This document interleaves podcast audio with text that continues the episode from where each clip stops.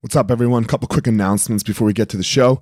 First of all, I have released my first online course. It is on my website, uh, elliottmarshall.com, how to be the champion of your life. So, some of the things that I do and that I have found helpful and useful in my life, not just how I start my day, but how I go through my day. Um, so, yeah, elliottmarshall.com for all of you BJJ fanatics that are on this, listening to this podcast, uh, I have separated the YouTube channel. So there's a BJJ only YouTube channel, uh, Fire Marshal BJJ, it's called. So go check that out.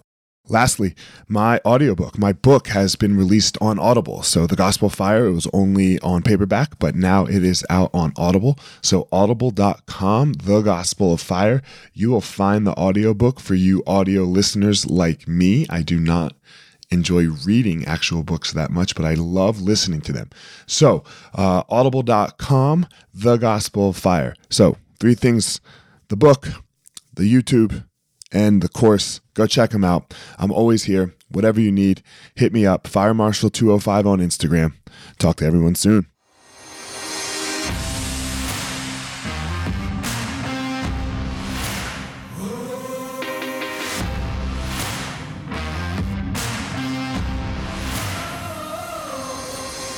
What's up, my ninjas? This is former UFC fighter Elliot Marshall, and this is the Gospel of Fire, where we are going to learn how to go into the fire so that we can find our power and live the best life possible.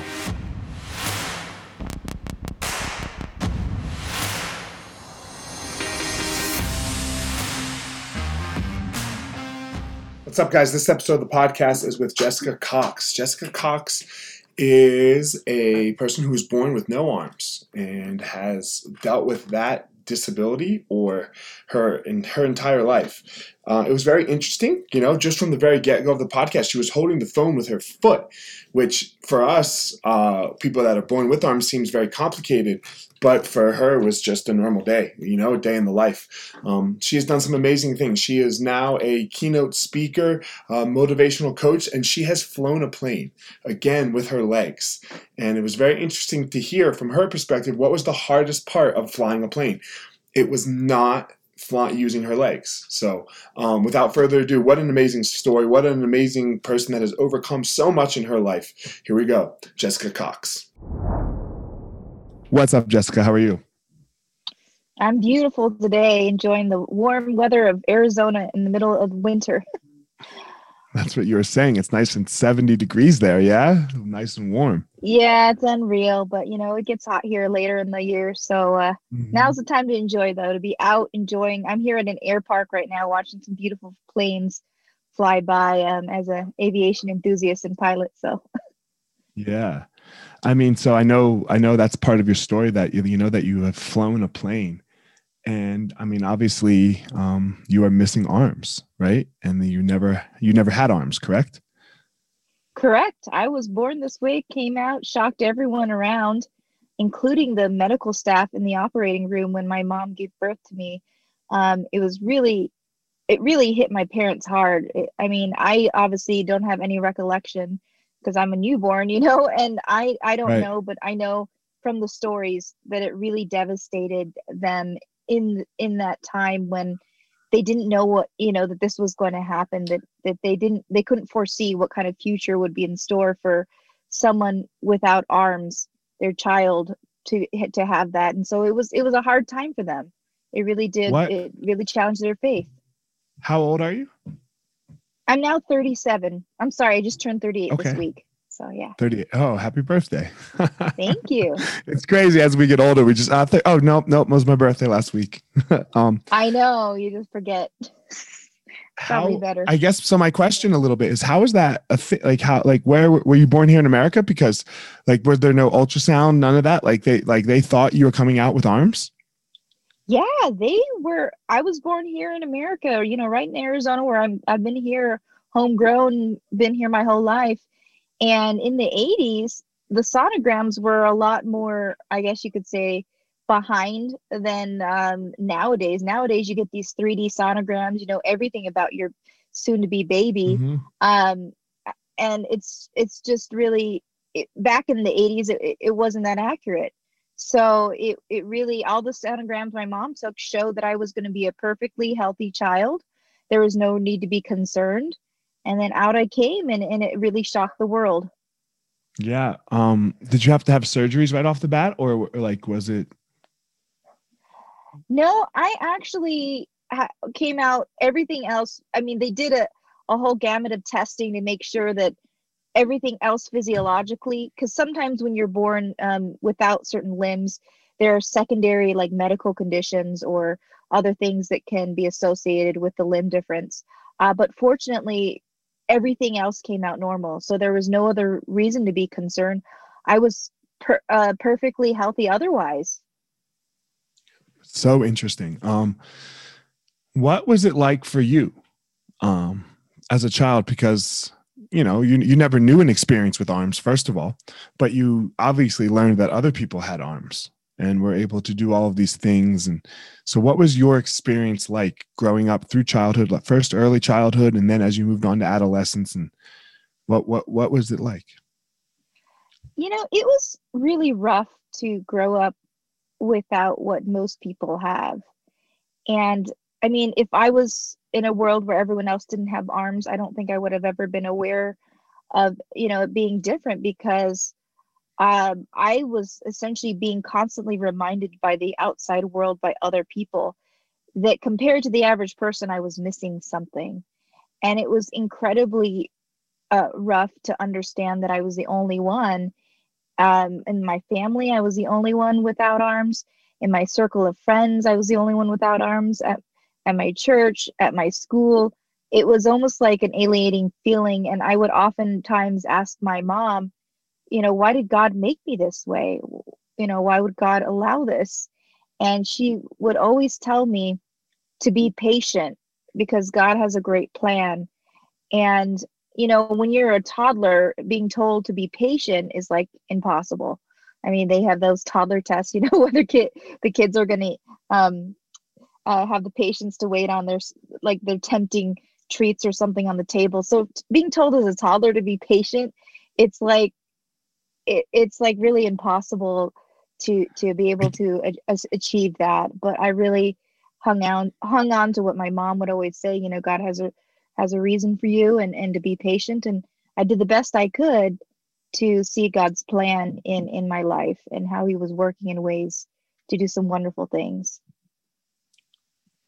So, um, I guess my question is is what did it how how did it affect you psychologically as well? Because you yeah if, if you would like you said if you would have grown up in a place where nobody had arms it's not, it's not even like other people had to scream at you like ah you don't have arms or like it's not like you had to get made fun of you just walked out the door and it was right there in front of you mm-hmm. uh, I, guess you didn't have to walk you didn't even have to walk out the door you just woke up right you woke up you looked at your your mom your dad you, uh, you said you have a sibling your brother Yes, I have a brother and a sister. So I'm the so middle child of 3 mm-hmm. mm-hmm. Okay. So you wake up every day, you look at them, and everyone else has arms. What was the psychological effect on you? It really was very hard. And going back to those years, I remember acting out in ways in response to that. Um, I, I acted out with tantrums up until well into the age when you're supposed to be over over those tantrum phase that tantrum phase i acted okay. out with anger and i acted out with frustration. I acted out with um, just being a very difficult child um, in many ways. And in reality it was just like it, i don't know if i'd ever want to really go back to that that point in my life when it I didn't make sense to me. It felt unfair. It felt uh, I felt like I was being, you know, I was being dealt out something that was unfair because everyone else had something I didn't have, um, and it just it it rocked my core in the sense that it was like you know what this is just unfair in life that I'm that I'm here different than everyone else. And not only that but but I get the isolation from being different the the social the social reaction by people of you know a pity. And there was something there was mm. i mean that was something i absolutely disdained was being pitied or being told that i was handicapped because the word handicap, which now we know that's politically incorrect, but that word it infers less than and it infers that you're incapable. And it would just anger me and, and it made me just it made my blood boil because people would constantly tell me that on a regular basis.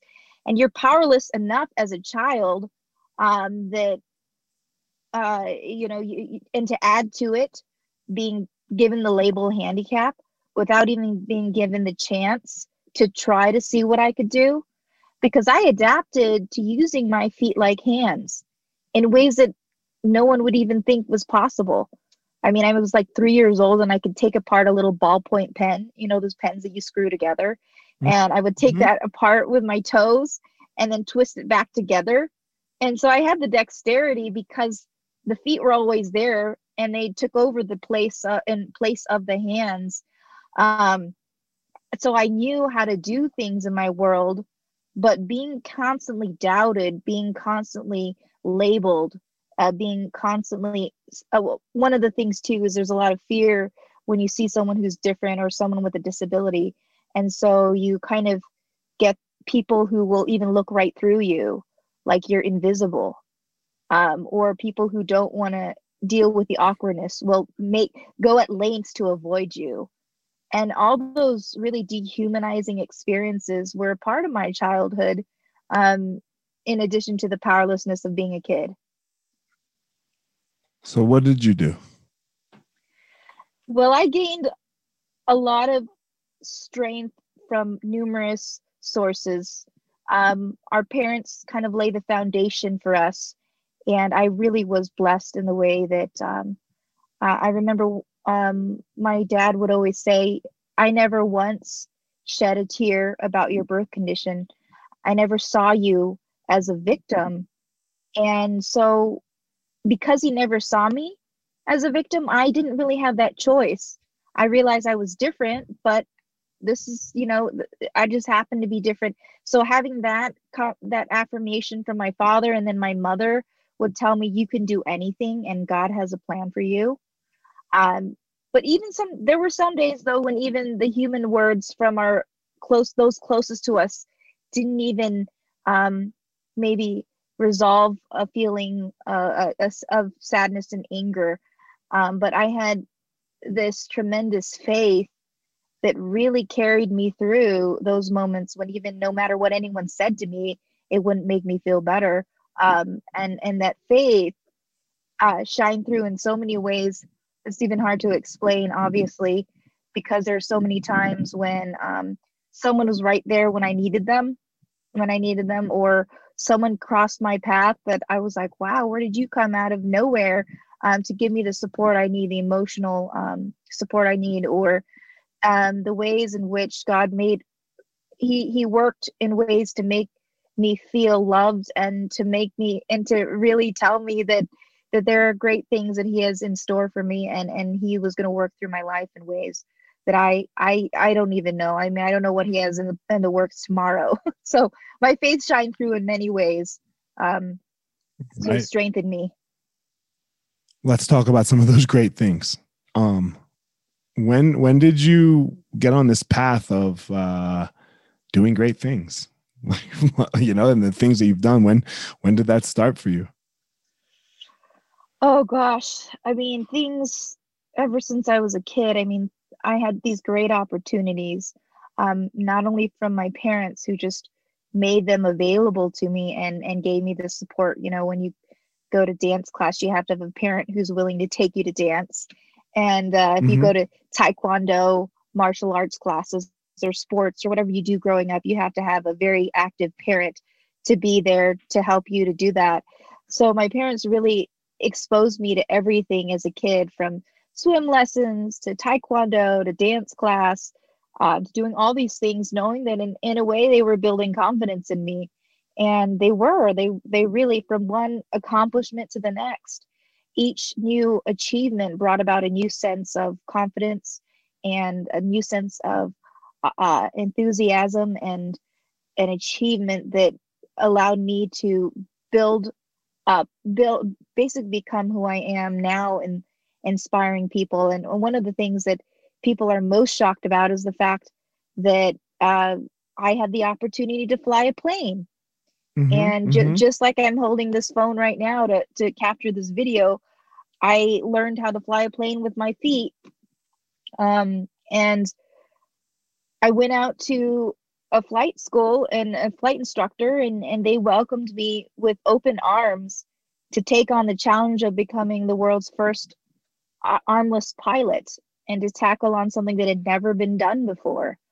Um, and not what to mention, it? I'm sorry. No, go ahead, finish. I was saying, not to mention, I was deathly afraid of flying.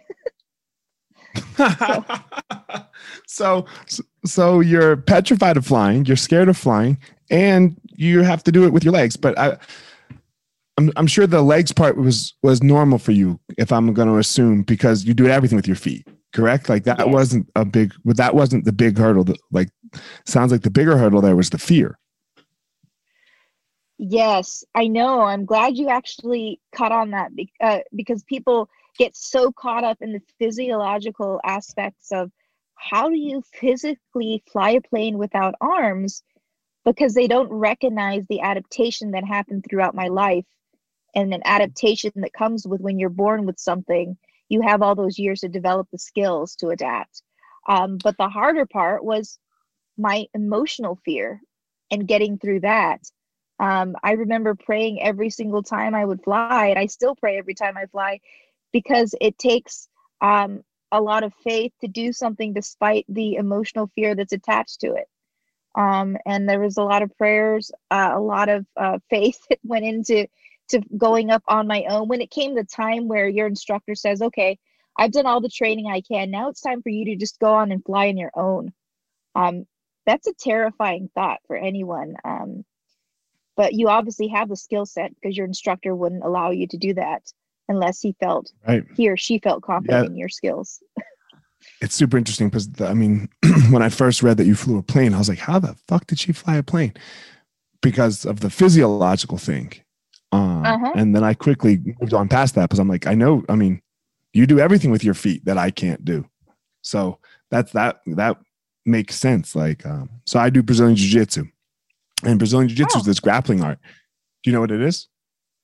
I've seen some of it. It's pretty awesome. Yeah. So it's a lot of leg work, right? You do you you have to use your legs like arms. So I I, I not to your extent, obviously, but I understand this like using my legs like grippers, where I have to, okay, my foot has to grip here and boom, boom. So I understand like the dexterity you can build outside of what most the dexterity that most people build with their with their lower body right we just use our lower body for running and kicking and walking and things like that. We don't use it for uh high dexterous is that a word? Um, movements you know? Um we use our hands for that but you learn that early. So it's this the the physiological part wasn't hard. So do you find it hard? Like so you you've had to learn how to get over so many emotional hardships. How do you how do you move through that? Do you move through that quicker than than i don't know uh guess you, I guess you don't know than most people, but like, how do you feel like you move through difficulty in your life, like because you've had to do it since day one? Well, the physical aspects of it, like you're saying, you know, I've adapted, I've learned, and I've almost had the skill set of breaking down a challenge in my head mentally the moment I'm faced with it. I'm like, okay, this is how we're going to do it. And I don't even think about it anymore. It's just literally like, okay, uh, I'm going to go and get my scuba certification. Okay, this is how we're going to do it. And I immediately just break it down, break it down. But uh, the emotional aspects that you're talking about, which really hold us back more than anything, I, tr- I truly feel that's where my faith has played a tremendous, tremendous part every single day because I know that I'm that I'm part of something that's greater that it's not always about me and it's about helping others it's about being a part of this greater picture that that God's works through our lives to help others to um, shine his light on uh, in ways that we may not understand fully so I think it's really um uh having that kind of submission to to his greater plan and knowing that that he's going to get us through those difficult times that we all face, regardless of who we are, regardless of our physical aspects. Um, we all have these emotional things that either develop from life experiences, like being told you're a handicap, or or develop because someone in our life said something very harsh to us or because we were bullied on the playground in elementary school or because we had an ab- abusive family member an abusive a friend. Um, those things they really they they kind of uh, unfortunately they shape the way we see things sometimes. Um, but my faith i feel like really has come into play to help me get through those hurdles those emotional challenges that, that i go through and you know and we all do. So i know you you speak on these topics a lot of how to do this. So how do you teach other people to do it? How do you help other people? Well one of the things i always talk about when i'm speaking to people um, I've, and i've been blessed to speak now in 27 countries. And i know that sometimes what we say is is critical it's important but it's also it it's how we what energy we give off when we're um up when i'm up there speaking. If i have a smile on my face and i see someone at the grocery store and they say wow she has a smile on her face and she is um she clearly has a tougher time probably getting that gallon of milk out of the fridge and and putting it in the shopping cart again that's my life so i don't think of it as a tougher time but for them they see that i don't have arms and for me to maneuver through a shop uh, through a shopping experience and doing that all without arms it it makes them feel like well she she can do that and keep a smile on her face then then maybe i can also have that sense of joy. And so i always tell people when i'm speaking even more difficult than flying a plane with my feet was the own my own journey to self acceptance the journey to self love, to be able to be confident every single day in my own skin and and know that um, it's you know that that I can keep a smile on my face and have that joy and that that whole self confidence journey something that we're all on is even more difficult than doing what some people think is physically impossible flying a plane with your feet so what's that journey? What was that journey like for you? What was that self confidence journey like? Right. This is, um, this is why I do the podcast because I want to hear people's journey. Uh, I want mm-hmm. to hear how it is they be they do what I call find their found their power. Right. So mm-hmm. tell me about your journey. Tell tell me about how you formed you. Well, in the beginning, it was very much a why me. You know, why am I in this situation?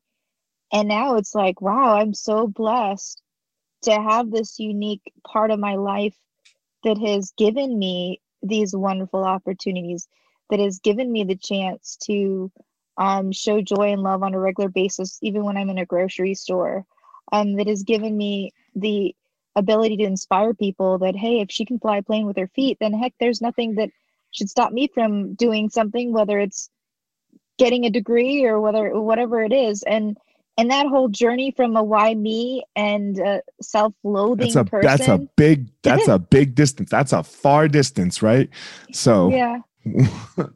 What was, what was the in like? between well um yeah i want the in between i i i want the in between the in between was pretty rough i will say i mean obviously some of it i I probably want to. Fo- I, I, I, we all want to, you know, forget the negative sometimes, but it's important to acknowledge that what what we've gone through.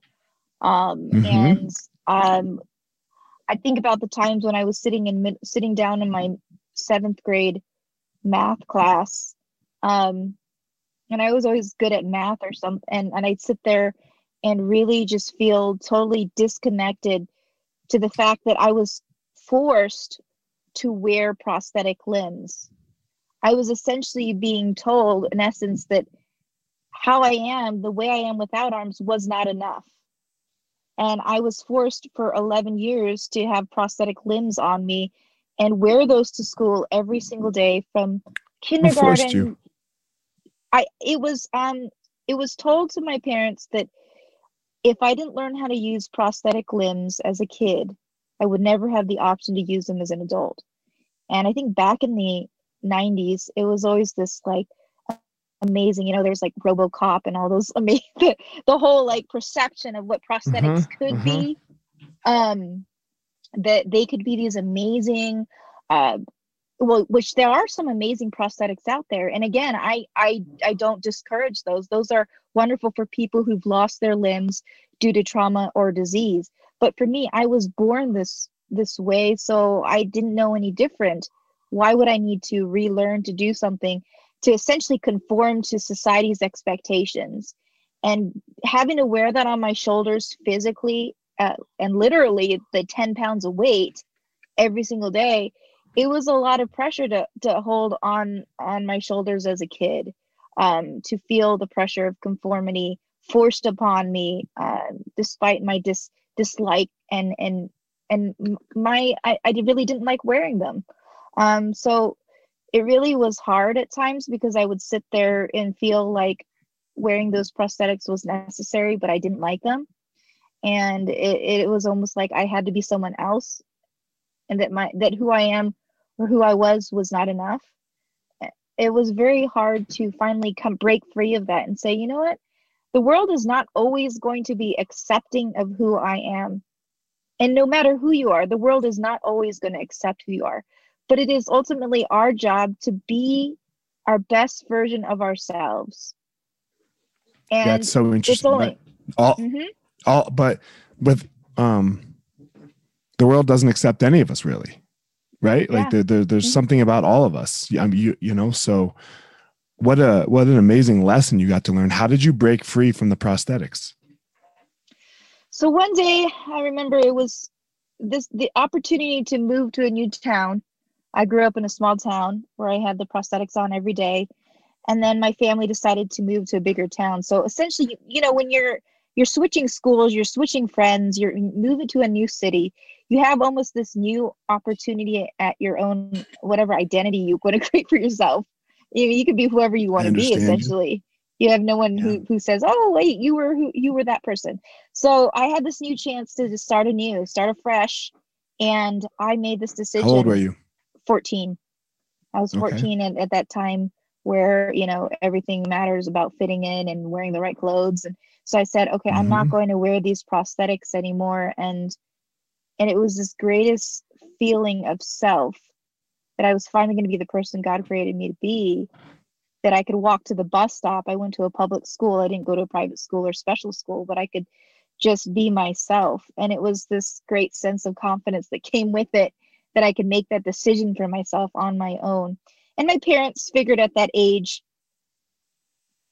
okay. my parents figured at that age that it was, it was a right age for me to make a decision, uh, regardless of what uh, medical personnel said was best. And since I made that decision, it was the best decision of my life. What uh, what you said right there that that self, it's it's almost everything right? Like once you find you, like when you when you can know who you are in the world, it's it's so it's so nice. It's so it's so uh freeing, I would say, for me, like knowing who I am. Um and not the material things that I am, right? Not the okay, I'm a businessman or I'm a I'm a UFC fighter or or whatever it is, but the like the who are you as a human is such a powerful tool to have in your life. Mm-hmm. What was what what did that give you, right? When you when you took off these prosthetic limbs and you got to scream to the world like, "Hey, this is me. This is Jessica. No arms. Yeah, no kidding. Right? I know this. Take it or leave it. What what was that feeling like for you? There's really no turning back at that point and yeah. everyone wants that they they want to be able to say you know i can show up in the middle of anywhere with my own pajamas on and, and be at my most vulnerable but i know who i am and um, you know and that was so incredible that i could go through a public place and know that people are going to stare at me and know that people were going to give me pity regardless of if i wanted it or not and know that people were going to be curious or um, some people even disgusted uh, or fearful. But all those emotions and feelings were were not going to budge they were not going to make me budge they were going they were not they were going to hit me but bounce right off or you know i i could still be affected but not to the point where it was going to affect my myself and who i am and and just be understanding understanding that yeah does it ever touch you? Does it ever like touch your soul sometimes inside when people uh when when you get a not so skillful reaction from other people? It does. And there are days when I don't have the same energy like I well let's see, I wasn't I went to bed at 2 a.m. last night and uh, I was doing an interview because I do speeches virtually now and and okay. it was in another country, so it was another time zone. So I sometimes I wake up with not enough energy to give my best self. Um, and so there will be those moments where something will affect me or I'm having a right. rough day. I mean, today, I mean, my lack, I'm lacking sleep, but that's not as bad as lacking sleep and then having a rough day altogether. So if you're having a bad day and then you're out there and then someone, someone catches you off guard and you just, you know, you just give into it. Um, but we're all human, you know, we're, we are all human beings and, and there are those days that it just affects me. How do you get yourself like, out? Um, sometimes I have to really recenter myself, and either by making sure that all those physiological needs are met, whether it's sleep, whether it's hunger, so we're not hangry, uh, whether it's um, uh, needing to just relax for a moment and say a prayer or meditate or do something I think it's just bringing that center back and um, and re- reminding your, yourself of uh, that you have some wonderful using gratitude to help remind yourself to bring yourself back to to reframe. Um, gratitude is a, a, huge component for that because we could really um, think back over a, a, a, something we're grateful for, and it almost gives you those kind of uh, good vibes and makes you feel like, wow, I, I really am grateful. Um, so sometimes gratitude helps. Um, sometimes just relaxing and giving it some time or being around the people you love. Right. Right. Um, the, the gratitude piece is so, it's so interesting in the, in the whole giving back piece. You, you mentioned it earlier. Um, taking the focus off uh, for me, I know taking the focus off of me helps for mm-hmm. me. Like I just go, okay, okay, what am I going to give to the world? Right. If when when I'm stuck, go go go do something for somebody else, and then you you stop thinking about your own pity. You start helping somebody else, and all of a sudden you're just a little better. Yeah.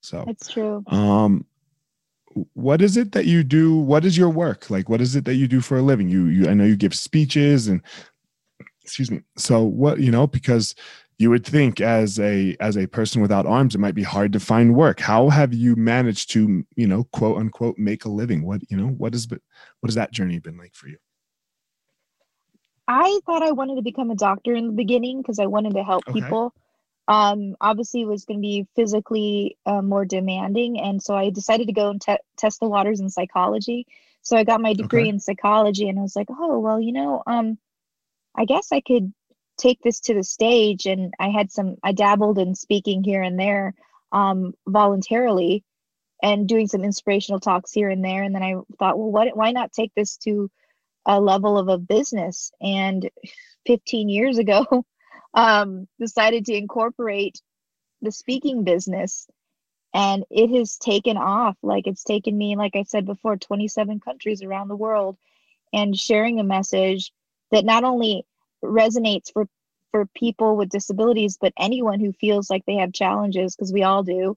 Um, and it's also working to advocate for people with disabilities that they can be they can do some incredible things if they're given the support if they're given the opportunity which i was so i was so blessed to have the opportunity to not only get an education but to go on and have an occupation and and and do everything yeah. um and and reality is is that in in a lot of developing nations around the world that's not the truth for everyone with especially with you sounds like you have a disability am- yeah and it sounds like you had amazing parents as well that that yes. just didn't look at this like a pity like you said like i they didn't see you as a handicapped child right that word they saw yes. you as a child as a child just their child D- different just like everyone's children are different yes i was so, very fortunate yeah, that was very fortunate.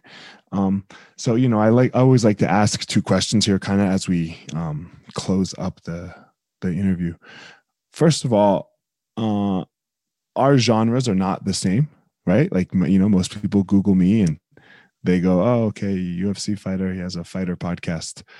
Um, why why look into this and why say yes to this podcast? Like you know, not knowing, you know, like just off the topic, it looks like I'm just a I'm a fighter, right? So yeah. Why, why say why why why why do the podcast? I'm remembering back to the email when you first sent it to me, and I think it was the name that immediately caught my attention was um, okay, and the association to faith was Okay. a huge part. And that's why I said yes. did it upset you that it's not faith based at all? No, I think it was wonderful Okay. that uh, that you know that is it's something that we all you know we can all connect to, and I, it didn't upset me. No. Okay, yeah. I, so some people, it's interesting because I get a lot of hate sometimes from social media that it's not a godly podcast, and I'm like, I know, I never said it was. you know, like I just used the word. Um, so I was just interested. It's just I I wonder how the the takes on it. Um, I do have a faith personally. It's not the same faith as you, maybe. It's not the same faith as others, and I think that's really important that we um, that we can recognize that with each other and and still move through the world uh, harmoniously and accepting of each other. So, um, super important. Um, last thing is, I believe everyone has a unique power. I believe there's something inside all of us that makes us amazing. What is your power? Ooh, oh, that's that's a really good question. I think I we always uh, I always think about that, and I think the first thing that came to mind when you said power, I immediately thought of joy, Okay. and I thought joy beyond any um, anything. So I think that that's what I'll have to stick with because that's what came to mind immediately. Yeah, I mean, you, you. I think you described it through the show here. Like you're walking through the store with a, with a smile on your face, and you know everyone's looking at you, looking at you, saying, "Oh man, that must be so difficult for her to get milk." You know, like that story you told there, and it's just not. It's just your life, and you're doing it smiling. So, um, what an amazing story! Uh, I was super excited to talk to you. I was like, "Oh, this is." I, I wanted to uh, really hear how you go about your life, you know, and and move through it in a way that seems so difficult, but you have made not difficult at all. So what an amazing story. So thanks for coming on. Thanks for having me. I love, love I loved being on, and thanks for what you're doing. Yeah. Yeah, um, we all got to try to help people in the world. Tell everyone where they can reach you if they want to find more out about you. Sure, please go to jessicacox.com and find out more about my speaking, my motivational book, my coaching, and a documentary. It's available to anyone on Amazon Prime right now. It's called Right Footed. So you can watch All it right. for free on Amazon Prime. Do you have a foot? Are you right footed? yes, I'm dominant on my right foot. Okay. Yeah. That's really interesting. I never thought about right footed or left footed. Huh. Are you uh, are you way better on your right than your left? Like I Oh, am with my hands? Yeah. Yeah. Okay. I mean, I know some people are ambidextrous, but I'm definitely not ambidextrous with my feet. I'm very right foot dominant, even though I'm holding the cell phone with my left foot right now in order to angle it because I'm giving my right foot a break. So Okay. I am very right footed. All right. Wow, that was really cool to learn right there at the end. So, um, man, thank you. That was that was a very interesting fact. Um, guys, as always, don't try to be Jessica and, and don't try to be who she is in the world and don't try to be Elliot. I am who I am and she is who who she is. Go out there in the world and find your power. All right, everyone, thanks for listening to this episode of The Gospel of Fire. If you enjoyed the episode, I'd love a review on iTunes or wherever you are listening to this podcast. Don't forget to follow me on social media at FireMarshal205. If you are a BJJ enthusiast, check out my YouTube channel. I put all kinds of instructional DVD uh, videos out on there, so go check it out. My book is still out on Amazon by the same name as the podcast, The- Gospel of Fire. So if you are interested, go check out that. And most importantly, guys, go out there every day, find your power. Thanks a lot. Guys, look, I get it. I totally get it. You opened a martial arts school, and man, it's kind of crushing you. There's all this other stuff to do other than teach, right? you love teaching, you love jujitsu, you love Muay Thai, you love karate, whatever it is you're you're teaching. And man, but there's all this other stuff. There's there's the front desk, there's there's taxes, there's curriculum, there's cleaning, there's there's problems, staffing, covering. Whew, man, it's so much.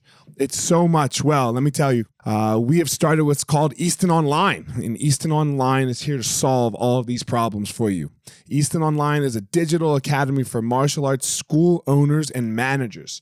Will help you establish or enhance your business with best practices. Most importantly, we're going to help you get back to what it is that you love most teaching and doing martial arts. Okay, so for more information, guys, go to easton.online. Again, that's easton.online. Add your email. You're going to get notified about the course launches. Our first course is going to be all about the first impression specialists, your front desk, and all kinds of stuff, special offers, promotions, as well as we started a podcast by the same name, Easton Online, that's going to talk about our process of how how we went from a tiny little martial arts school to what is now seven martial arts schools, seven Brazilian Jiu Jitsu Muay Thai schools, um, in a very holistic way that we believe um, kept the integrity of the art and also deals with its people very well. So again, Easton.online, enter your email and you're gonna get all you're gonna get everything you need right there. So thanks, guys.